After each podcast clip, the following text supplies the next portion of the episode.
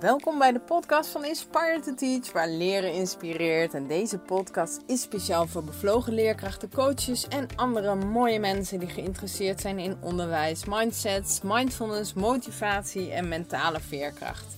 Mijn naam is Mariska Bos en ik ben leerkracht groep 8. Ik verzorg daarnaast lezingen, trainingen, coaching en natuurlijk deze podcast, want hier deel ik onderwijstips, mijn mijmeringen en ik interview elke maand inspirerende leerkrachten, coaches en trainers waar jij hopelijk weer door geïnspireerd en geprikkeld wordt. Leuk dat je luistert naar aflevering 14 waar ik Kat Kolno interview. Ik ken Kat al een tijdje en ik ben onder de indruk van haar veerkracht. Ze heeft het niet altijd makkelijk gehad, maar op een of andere manier komt ze altijd weer op haar pootjes terecht. Dus ik stel haar de vraag: hoe hou je je staande als het echte leven ineens voor de deur staat? We praten over inspirerende boeken, echt iets voor, voor de zomervakantie, als je dit nog voor je zomervakantie luistert. En natuurlijk of je veerkrachtiger kunt worden door het te leren en zo ja, wat daarbij kan helpen. En we hebben het over de innerlijke criticus en omgaan met de pijn die bij het leven hoort. Dus hou je vast voor aflevering 14. Welkom uh, bij de podcast van Inspire to Teach, waar leren inspireert. En uh, jij hebt de tijd genomen om hier in de podcast uh, ja, je te laten interviewen door mij. En de vaste luisteraars, die weten dat ik altijd begin met de vraag: welke leerkracht vergeet je nooit meer en waarom? Hey, leuk om in jouw podcast te zijn, eh, Mariska. Gezellig. Oeh, dat vind ik meteen al hele lastig, want ik heb er eigenlijk niet één. Ik heb er heel veel. Ik, maar de eerste die hem opkwam, dat was Paul. Dat was onze klassenleraar. Ik weet niet hoe je dat noemt. Maar ik heb op de vrije school gezeten. En op de vrije school, daar heb je altijd uh, zo'n leraar die eigenlijk heel veel jaren met je mee groeit. En die eigenlijk altijd s ochtends de eerste twee uur onderwijs doet. Dus je doet heel veel verschillende soorten dingen. En, maar hij was ook onze mentor. En hij was gewoon echt begaan met ons als klas. Wij waren met z'n 36 geloof ik, zoiets. Wij waren lastig. Er zaten heel veel um, ja, super creatieve en, en nou, kinderen in die ah, wel van zich niet te horen, zullen maar zeggen. Ik was niet per se één van hun, maar het was wel zo'n dingetje van onze klas stond, stond ze als lastige bekend. En hij wist op een of andere manier altijd heel goed voor ons te zorgen. En, uh, ja, en hij kon heel erg mooi vertellen. Hmm. Hij kon echt fantastisch vertellen. Dus dat was heel tof aan hem. En hij was ook, ja, hij was begaan met ons, met de ouders. Hij, hij, uh, als iemand er vol voor ging, dan was hij het wel. En waar merkte je dat dan aan, dat hij zo begaan was? Nou, dat hij ook echt, uh, ja, hij, hij ging ook, maar hij kwam bijvoorbeeld bij mijn ouders ook uh, regelmatig op bezoek. Hij, hij, uh, ja, hij wist eigenlijk van ons allemaal precies hoe het ging. En hij, en hij hield dat ook volgens mij bij. En op de vrije school krijg je dus geen rapport. Maar dan aan het eind van het jaar dan doet dus de, de mentor, die maakt een soort van getuigschrift. En dan schrijft ze dan allemaal in van, uh, ja, over je persoonlijkheid. En dan gaan ze, meestal doen ze een verhaal, wat dan een soort van beetje uitlegt van wat je persoonlijkheid is. En er zit dan een soort boodschap in, uh, verborgen van welke kracht je nog meer kan laten zien. Uh, en als je heel jong bent, dan heb je dat misschien nog niet zo door. Maar ja, als je 12, 13, 14, weet je wel, dan lees je dat en dan denk je, jeetje, die gast die kent mij wel. Dus die op een of andere manier, ja, die was gewoon super betrokken. En, en ja, op een of andere manier, ja, ik heb echt heel veel aan hem gehad. Hmm, mooi. Hij wist dus wie jij was en hoe je leefde en wat jij belangrijk vond, waarschijnlijk. Ja. En daar vroeg hij dan ook naar. Hè? Dus ik vind dat heel belangrijk dat als er iets gebeurt met kinderen, dat je dan later nog eens vraagt van, goh, hoe gaat het nu met opa bijvoorbeeld? Uh, en dat je de naam van een konijn weet wat, uh, waar, waar het niet goed mee gaat thuis of zo. Hè? Maar dat is heel waardevol voor kinderen. Ja, hij, za hij zag ons echt voor wie we waren. Ook al kwam het er nog niet uit. Want ik was best wel rustig in de klas. Ik durfde naar mijn vinger op te steken. Want dan dacht ik dat ze me misschien dom vonden als ik dan het antwoord niet wist. Dat was een angst van mij. Maar op een of andere manier zag hij dat wel. Hé, hey, maar Kat, wie ben jij eigenlijk? Wat doe je in deze podcast? Wat doe ik eigenlijk in die podcast voor jou? Kun jij je eens, uh, eens voorstellen aan de luisteraars? Nou, ik ben uh, Kat Kolno en ik ben, um, ik noem mezelf uh, goudzoeker. Ik vind het heel erg tof om uh, met mensen in gesprek te gaan en op zoek te gaan naar hun goud. Wat is jouw kennis? Wat zijn jouw inzichten? Wat is jouw de rijkdom die je in je hebt? Want ik geloof dat je, ja, dat je gewoon heel erg veel al in jezelf hebt zitten. En dat het eigenlijk de uitdaging is om dat eruit te halen.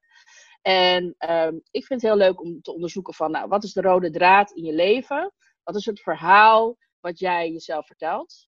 Um, dat kan dus ook een oud verhaal zijn en dan kan je er een nieuw verhaal van creëren. En um, ja, ik vind het heel tof om mensen daarbij te begeleiden en dan te zorgen dat ze dat verhaal ook gaan vertellen. Dat ze daar woorden aan gaan geven en dan vervolgens ja, daar content voor maken voor op social media. En uh, ja, daar heb je best wel wat lef ook voor nodig. Ik vind het leuk om mensen ook dan een beetje een schopje uh, onder hun kont te geven als ze het spannend vinden. En uh, ja, dus dat doe ik een beetje. Ja, is dat een coach? Ja, ik weet niet precies wat het is.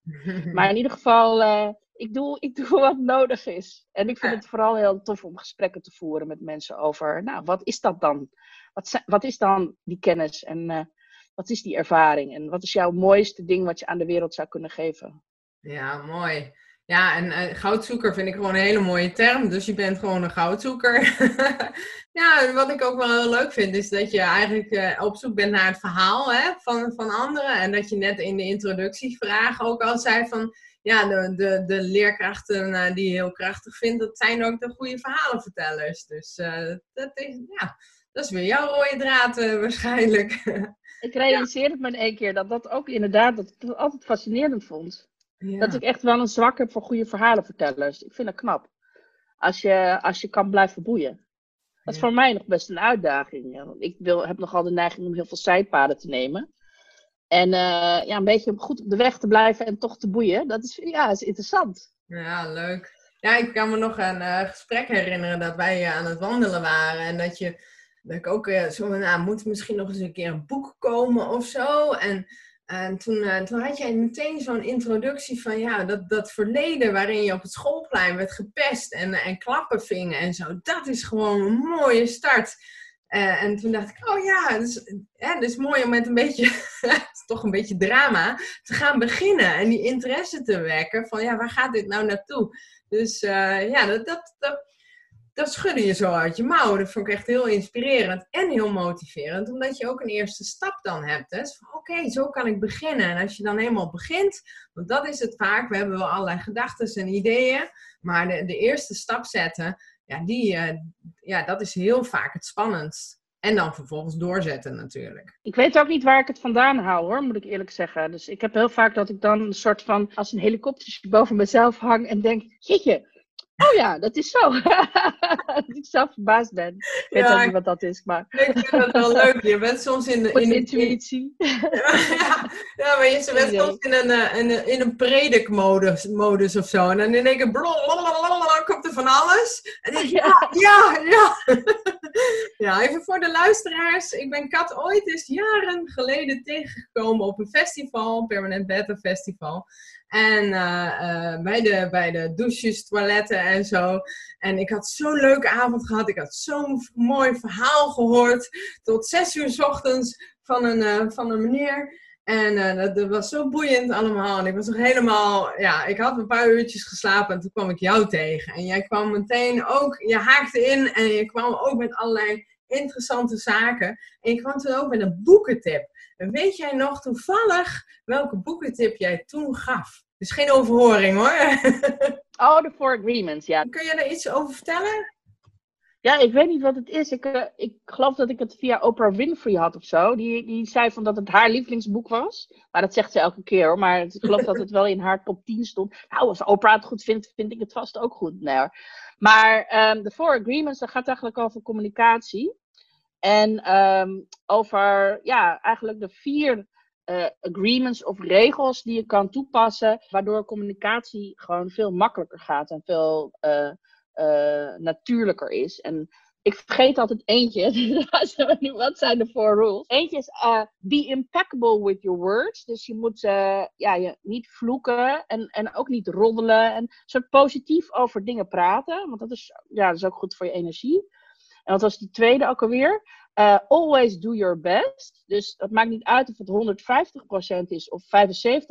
Als jij met de intentie ehm, eh, dingen doet om altijd je best te doen, dan is het oké, weet je wel. En dat was voor mij een soort mind-blowing ding. Want ik heb altijd de neiging om een beetje te hard te gaan, een beetje te veel te werken, een beetje. Dus ik, eh, ik vond het echt zo. Ik dacht in één keer van: hé, hey, dat is interessant. Als je gewoon de intentie hebt om altijd je best te doen, dan is het oké, weet je wel. En het hoeft niet altijd 150% te zijn. Nou, dat vond ik echt. Ja, ik weet ook niet waarom, maar ik las dat. Ik dacht, jeetje. Nou, en um, uh, er is er nog eentje. Uh, do not assume, dus neem niks aan. Je weet, je weet niet uh, wat andere mensen denken. Je weet niet waar ze mee bezig zijn. En um, je kan allemaal van alles bedenken erover, maar dat heeft niet zoveel zin. Dus je moet gewoon checken. Moet ja. gewoon vragen van, is het zo of niet? En uh, de vierde is... Uh, um, ja, ik heb het even ondertussen opgezocht. Heb jij het opgezocht? Ja, want ja. ik vergeet er altijd eentje. Ja, ja want je hebt, het, uh, je hebt inderdaad, wees onberispelijk met je woord, dat heb je gezegd. Ja. Je ja. hebt gezegd, doe altijd je best. Maar ja, zo goed mogelijk. Hè? En dan, ja, en de, ik weet het al, de vierde. Don't take anything personal. Wauw, kijk. Dus neem niks persoonlijk. ja. ja. dat vind ik ook een hele mooie. Want heel vaak denk je van... Uh, ja, heb je de neiging om, om je aangesproken te voelen omdat iemand iets negatiefs zegt of, of ja, weet ik veel, je feedback geeft of whatever. Terwijl, ja, je weet niet waar het vandaan komt en je weet niet waar. Dus ik vond het een soort van, of als iemand een afspraak afzegt, dat je dan een soort van helemaal in de put of boos wordt op iemand omdat diegene de afspraak afgezegd heeft. Terwijl ik dan denk van, ja, weet je, ik bedoel, ja, er kan, kunnen heel veel redenen zijn. Dat hoeft niet te zijn omdat ze mij niet aardig vinden. Um, iemand heeft misschien even tijd voor zichzelf nodig, of er komt iets tussen. Dus ja, ik heb geprobeerd om. Uh, nou, ik vond het sowieso fascinerend om te lezen. En toen dacht ik, ik ga het proberen in mijn leven in te voeren. Mm. En uh, ja, ik vond het een fantastisch boek. Ja. Ja, ja. ik vind ook inderdaad uh, het vertrouwen op de goede bedoelingen van anderen. En dat, het, dat ze een goede reden hebben. En dat het niet allemaal om jou draait. Vind ik ook echt gewoon. ja, bijna ik wou bijna zeggen bevrijdend, maar dat vind ik dan ook weer weer overdreven. Maar het draait gewoon niet allemaal om mij. Ik ben wel het middelpunt van mijn universum, maar dat, echt ja, niet, die andere ja. is echt niet de hele tijd met mij bezig. Nee. En, en, en dat, uh, dat vond ik eigenlijk wel heel veel rust geven. Nou, nou behoorlijk ja. En, en ik vind het ook wel. Uh, het is ook fijn voor iemand anders om te weten dat ik het niet persoonlijk neem. Dus ze kunnen tegen mij ook gewoon zeggen wat ze willen. Ja. En als het, als het wel persoonlijk is, mogen ze het natuurlijk ook gewoon zeggen. Maar ik weet niet, ik vind het in communicatie vind ik het, ik vind het zoveel lekkerder als je gewoon uh, op die manier met die uitgangspunten werkt. En, en uh, ik kan me voorstellen dat het voor docenten ook heel fijn is om op die manier om te gaan. Weet je wel, als je klas vervelend is, Weet je, stel dat je dat allemaal op jezelf betrekt de hele tijd. Kijk, het is allemaal energie natuurlijk. En je hebt er misschien wel een bepaald soort invloed op. Maar ja, weet je, soms is het ook gewoon de dynamiek die gewoon niet werkt of zo, weet je wel. En ja, volgens mij kan je daar wel iets mee. Als je daar, als je daar dus kijkt van hoe het voor jou zou kunnen werken in de praktijk. Ja, ja wat, er, wat er wat meer gebeurt is dat je misschien wat meer afstand dan ernaar kijkt. Ik, ik heb zelf, als ik een drukke klas heb, dan kan ik wel denken, oh het is een vervelende klas. Hè? Maar ze dagen je uit, hè. En wat, we, wat, willen de, wat hebben deze kinderen nou eigenlijk nodig? Wat er bij mij vaak gebeurt, is als ik merk dat de klas druk is, dan ben ik zelf heel vaak een beetje gejaagd. Ja, nog even dit, jongens, kom op, even. En in plaats van dat ik rust uitstraal en niet dat ik een slome duikelaar moet worden, maar dan gewoon even wat rust en, en dat ik de boel uh, onder controle heb zonder dat ik de controle wil houden, maar ik heb gewoon overzicht. En ik doe rustig aan en ik adem heel rustig en ja, en zeker als ik een lol, als ik dat uitstraal van ja jongens, we hebben er zin in, we gaan er een leuke dag van maken. Dan krijg je veel makkelijker de, de leerlingen mee dan wanneer je in je hoofd zit van ja, maar dit moet nog en dat moet nog. Dus een, een klas kan ook heel goed spiegelen. Uh, ja. En, maar dat zegt nog steeds niet, niet iets over dat je iets goed of fout doet. Maar het is wel interessant nee, om naar te kijken. Ja. Nou ja, je hebt dus al eigenlijk een hele mooie boekentip gegeven.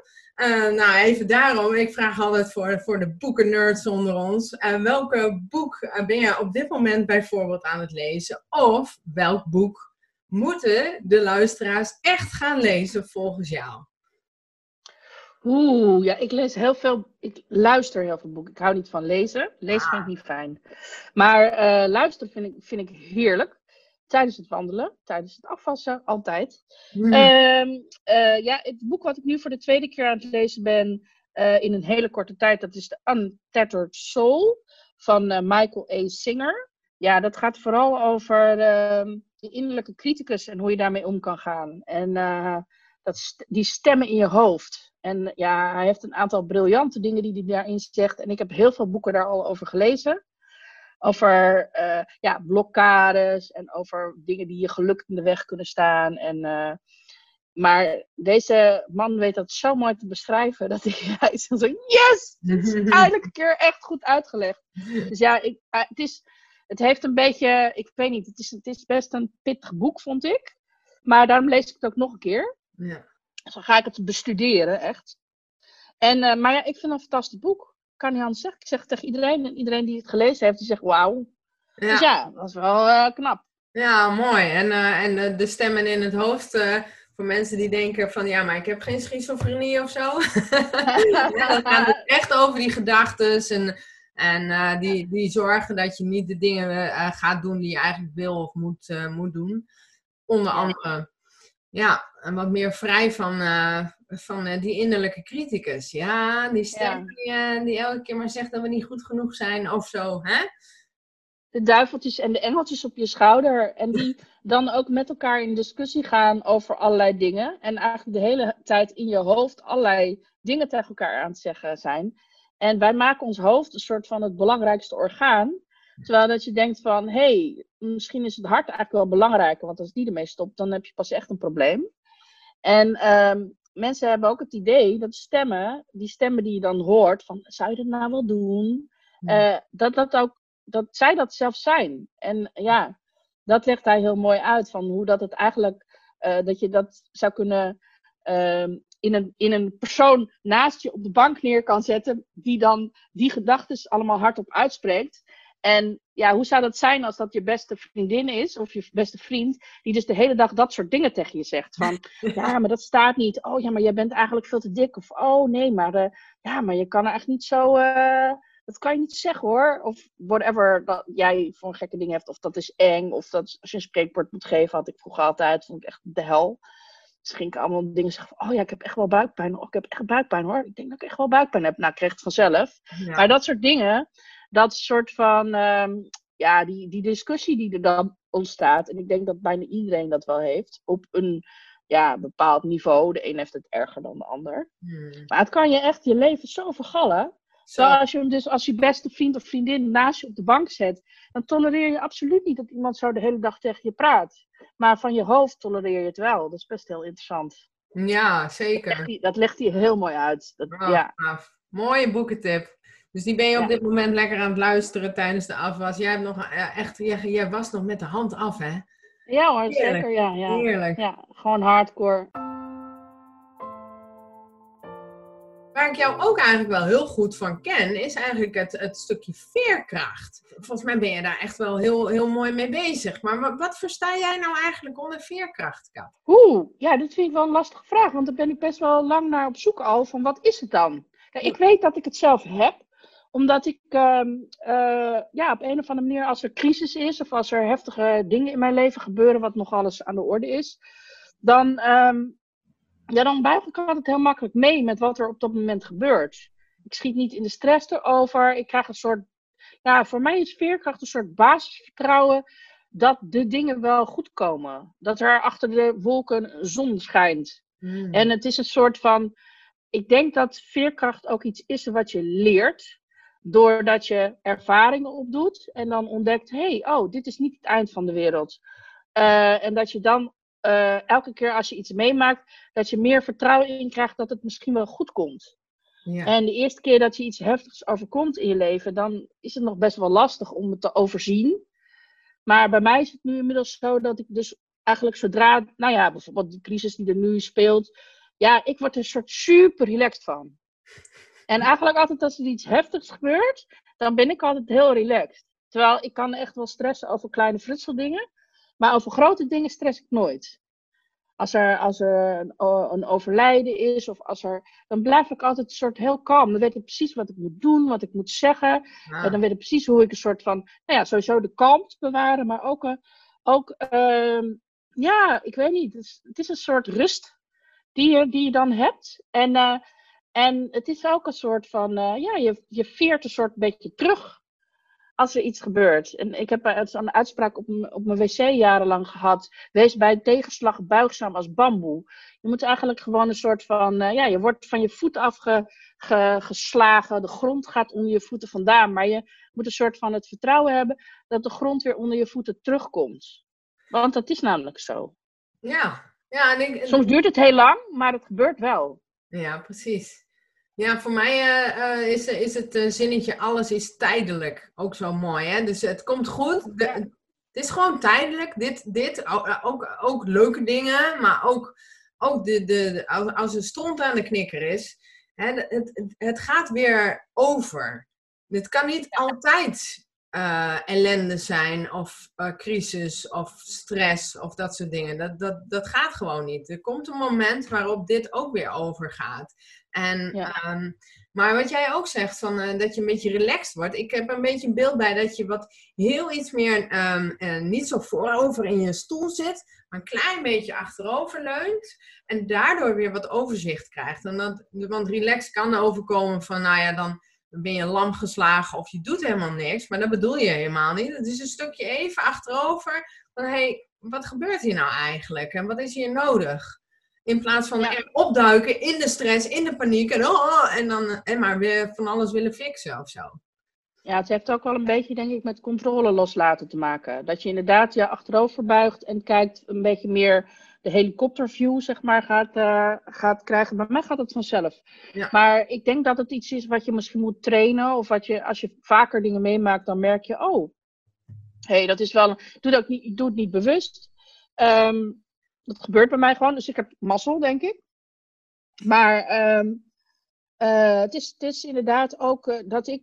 Ik vind het heel belangrijk in het leven om te groeien en te leren. En shit is ook mest voor groei. Hmm. Dus als er dingen gebeuren in je leven die heftig zijn, dan kan je dat ook zien als leermomenten. En dus eigenlijk ga ik eigenlijk bijna altijd automatisch in de stand van wat kan ik hier wel mee? Wat is er wel mogelijk in deze situatie? Wat, waar heb ik invloed op en waar niet op?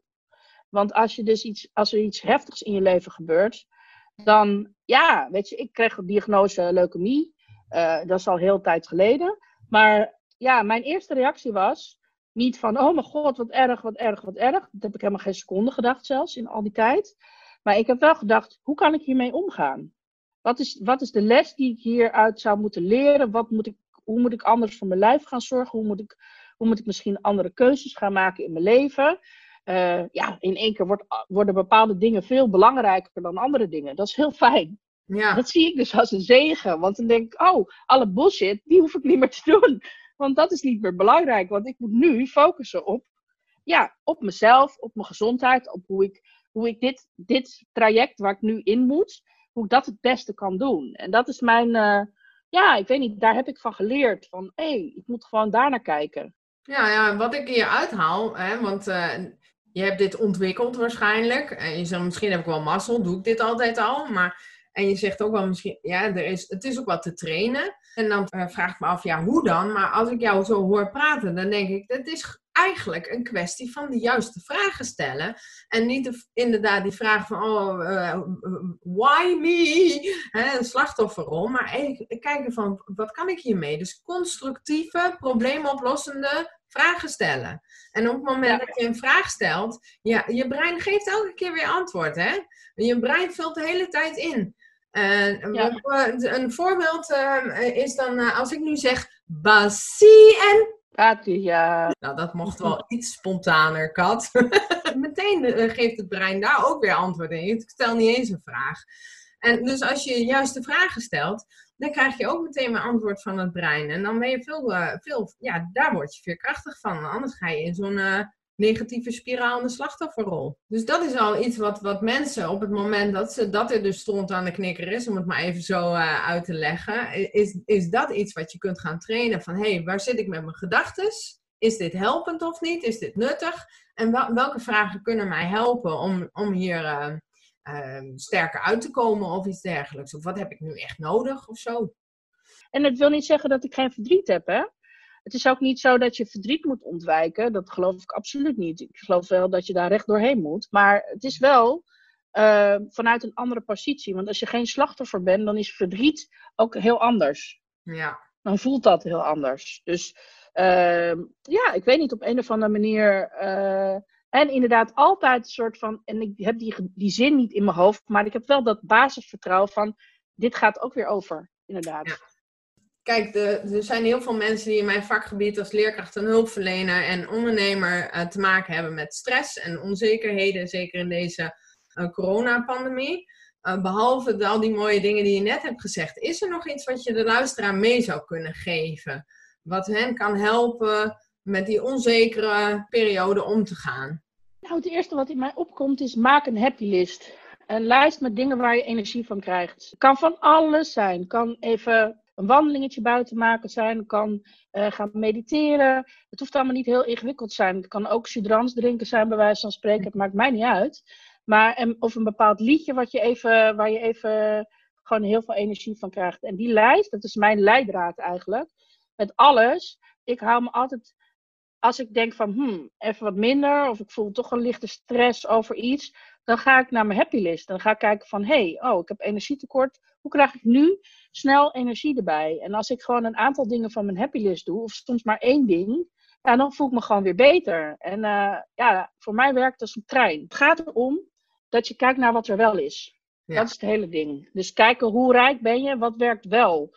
Wat, wat lukt er in je leven? Wat is, er, wat is er mooi? Wat is er fijn? Wat is er goed? Waar je, ben je blij mee? Waar kan je dankbaar voor zijn? En als je daarop richt, dan, ik weet niet, het is een soort automatische stressverdelger, uh, uh, denk ik. Ik weet niet, bij mij werkt het echt heel erg goed. Ja, er is er ook zo'n verhaal over die twee wolven. Uh, Zo'n indianenverhaal waarbij een, uh, een, jongetje vraagt aan een opperhoofd of zo. En je kunt van alles van maken. Uh, of naar zijn opa of oma gaat. Het gaat er in elk geval om dat, dat, dat um, als je, je hebt een witte wolf en een zwarte wolf. En de witte wolf staat voor alle mooie gedachten en dankbaarheid en liefdevolle gedachten en zo. En de zwarte wolf of de grijze wolf staat symbool voor nou ja, slachtofferrol, uh, ellende, negatieve gedachten, roddelende gedachten en zo. Uh, en um, ja, als je elke keer de, de zwarte of grijze wolf eten geeft, dan zou die groter en groter worden. En dus geef meer aandacht en geef meer eten aan de witte wolf. En dan zou die groter en sterker worden. Maar ze vechten alle twee een beetje om je aandacht. Dus ja, wie ga je eten geven? Dat wil niet zeggen dat je die, die, die uh, grijze wolf uh, alleen maar moet negeren. Want die moet ook wel eens gehoord worden. Hè? Als er ellende in je, in je leven is. Hè? Er zijn mensen in je omgeving, of misschien zijn jijzelf die, die ziek worden of zo. Dan mag je best voelen van, poef, dit komt even hard binnen. En ik merk dat ik uh, hier onzeker van word. En dat ik me zorgen maak. En dat ik bang ben voor de toekomst. En daar, daar even bij stilstaan. Maar het verschil is tussen voelen of die verhalen die je erover vertelt. Hè? Dat is eh, af en toe wel een beetje lastig te onderscheiden voor mensen, merk ik. Is het nou de, dus de slachtofferrol en al die, die negatieve praat in je hoofd? Of ga je echt voelen? Wat doet dit nou met mijn lijf? Hoe ervaar ik de stress en, en dat soort zaken? Maar dat, dat verhaal van de witte uh, en de zwarte wolf vind ik dan wel heel erg uh, mooie metafoor. Dus daar moest ik even aan denken. Ja, absoluut. Maar de happy list, dat is wel een hele mooie. Want soms zit je gewoon een beetje in zo'n donkere periode. En dan, dan kun je niet eens meer opkomen op die... die ja, wat, wat maakt me nu eigenlijk blij? Welk, welk liedje dan? En, en door zo'n lijst erbij te pakken, maak je het jezelf iets makkelijker, denk ik, om toch wel weer uh, aandacht te geven aan die witte wolf. Leuke tip. Uh, stel je voor dat mensen nieuwsgierig naar je zijn geworden. Hè? En denken van, nou, wie is die kat nou eigenlijk? En uh, waar kan ik haar vinden? En je hebt ook een podcast. En je hebt een gave website met allemaal interessante blogs en, um, en social media kanaal waar mooie ja, inspirerende posts opmaakt, als je het mij vraagt. Dus waar kunnen ze je vinden? Je kan mij overal vinden, nee, behalve op TikTok. Ik zit niet, nog niet op TikTok. Nou ja, Instagram, katkolno. En dan schrijf je met een T aan het eind. Uh, www.katkolno.com. En uh, ja, weet je, google maar eventjes. ik ben gewoon te vinden. En in de show notes uh, zal ik ook uh, jouw gegevens allemaal zetten, zodat je heel makkelijk even kunt klikken. Dus ga naar de website van inspiretoteach.nl en schuine streep podcast. En bij podcast nummer, volgens mij word jij 14. op dit moment zitten we op nummer 11, dus ik werk een klein beetje in voren. Dus dat gaf iets meer rust.